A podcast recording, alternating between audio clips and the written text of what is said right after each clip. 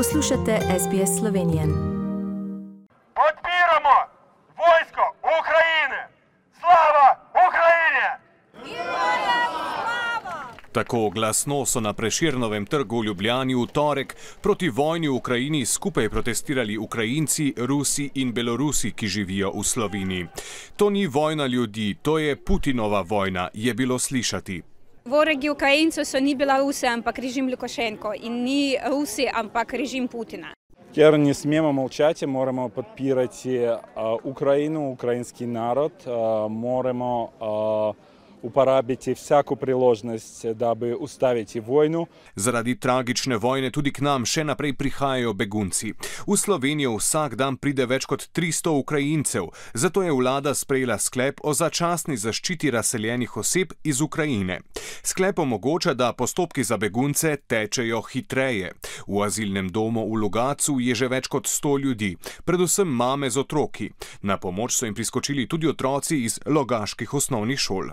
Spremljamo vsak večer v bistvu na televiziji, pa ne zdi se mi prav, da to delajo. Prav je, da si med seboj pomagamo, ker je nekdo v stiski. da še vedno probleme rešujemo z vojno, to je pač grozno. Na Rdečem križu Slovenije pa pravijo, da Slovenci v teh težkih časih za Ukrajince prispevajo veliko. Mislim, da so ljudje res odprli globine svojega srca, sem so se stekale res stvari, za katere smo prosili. Se pa zaradi vojne v Ukrajini in napovedi, da bi lahko Evropska unija in Amerika prenehali uvažati nafto iz Rusije, razmere zaostrujejo tudi za Slovence.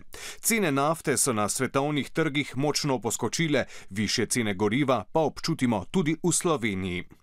Na bencinskih črpalkah po državi je bila v ponedeljek pred občutnimi podražitvami velika gneča. Ljudje so po naftne derivate prihajali celo z rezervoarji. Ponekod je dizelskega goriva za nekaj časa celo zmanjkalo. In kaj na podražitve pravijo Slovenci? Uh, Noč ne pravim, mali šok. Za mene je to zelo veliko. Za upokojence je to sploh uh, vsak cent se tle pozna. Malo je vseeno predrago, ne? ampak druga ni. Vozili bomo se isto kot prej. Zaradi vojne pa se poleg energentov v Sloveniji ustrajno drži tudi hrana. Cene kmetijskih surovin so močno vezane seveda tudi na naftne derivate, kajti naftni derivati se uporabljajo za to, da se kmetijske pridelke sploh nekako pridela. Na drugi strani pa govorimo o črnomorskih pristaniščih, kjer seveda vsa tekoče ne delujejo. Kljub težkim časom pa so v tem tednu laže zadihali slovenski šolari. Nov teden se je namreč v šolskih klopeh začel brez zaščitnih mask, kar so šolari in učitelji sprejeli z velikim zadovoljstvom.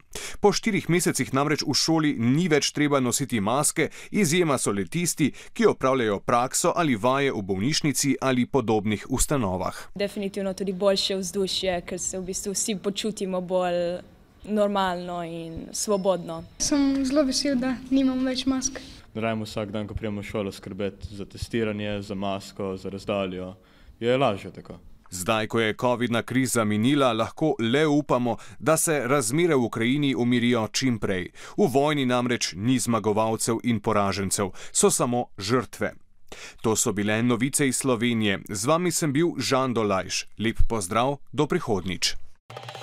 Želite slišati sorodne zgodbe? Prisluhnite jim preko Apple ali Google podcasta, preko aplikacije Spotify ali kjerkoli drugje.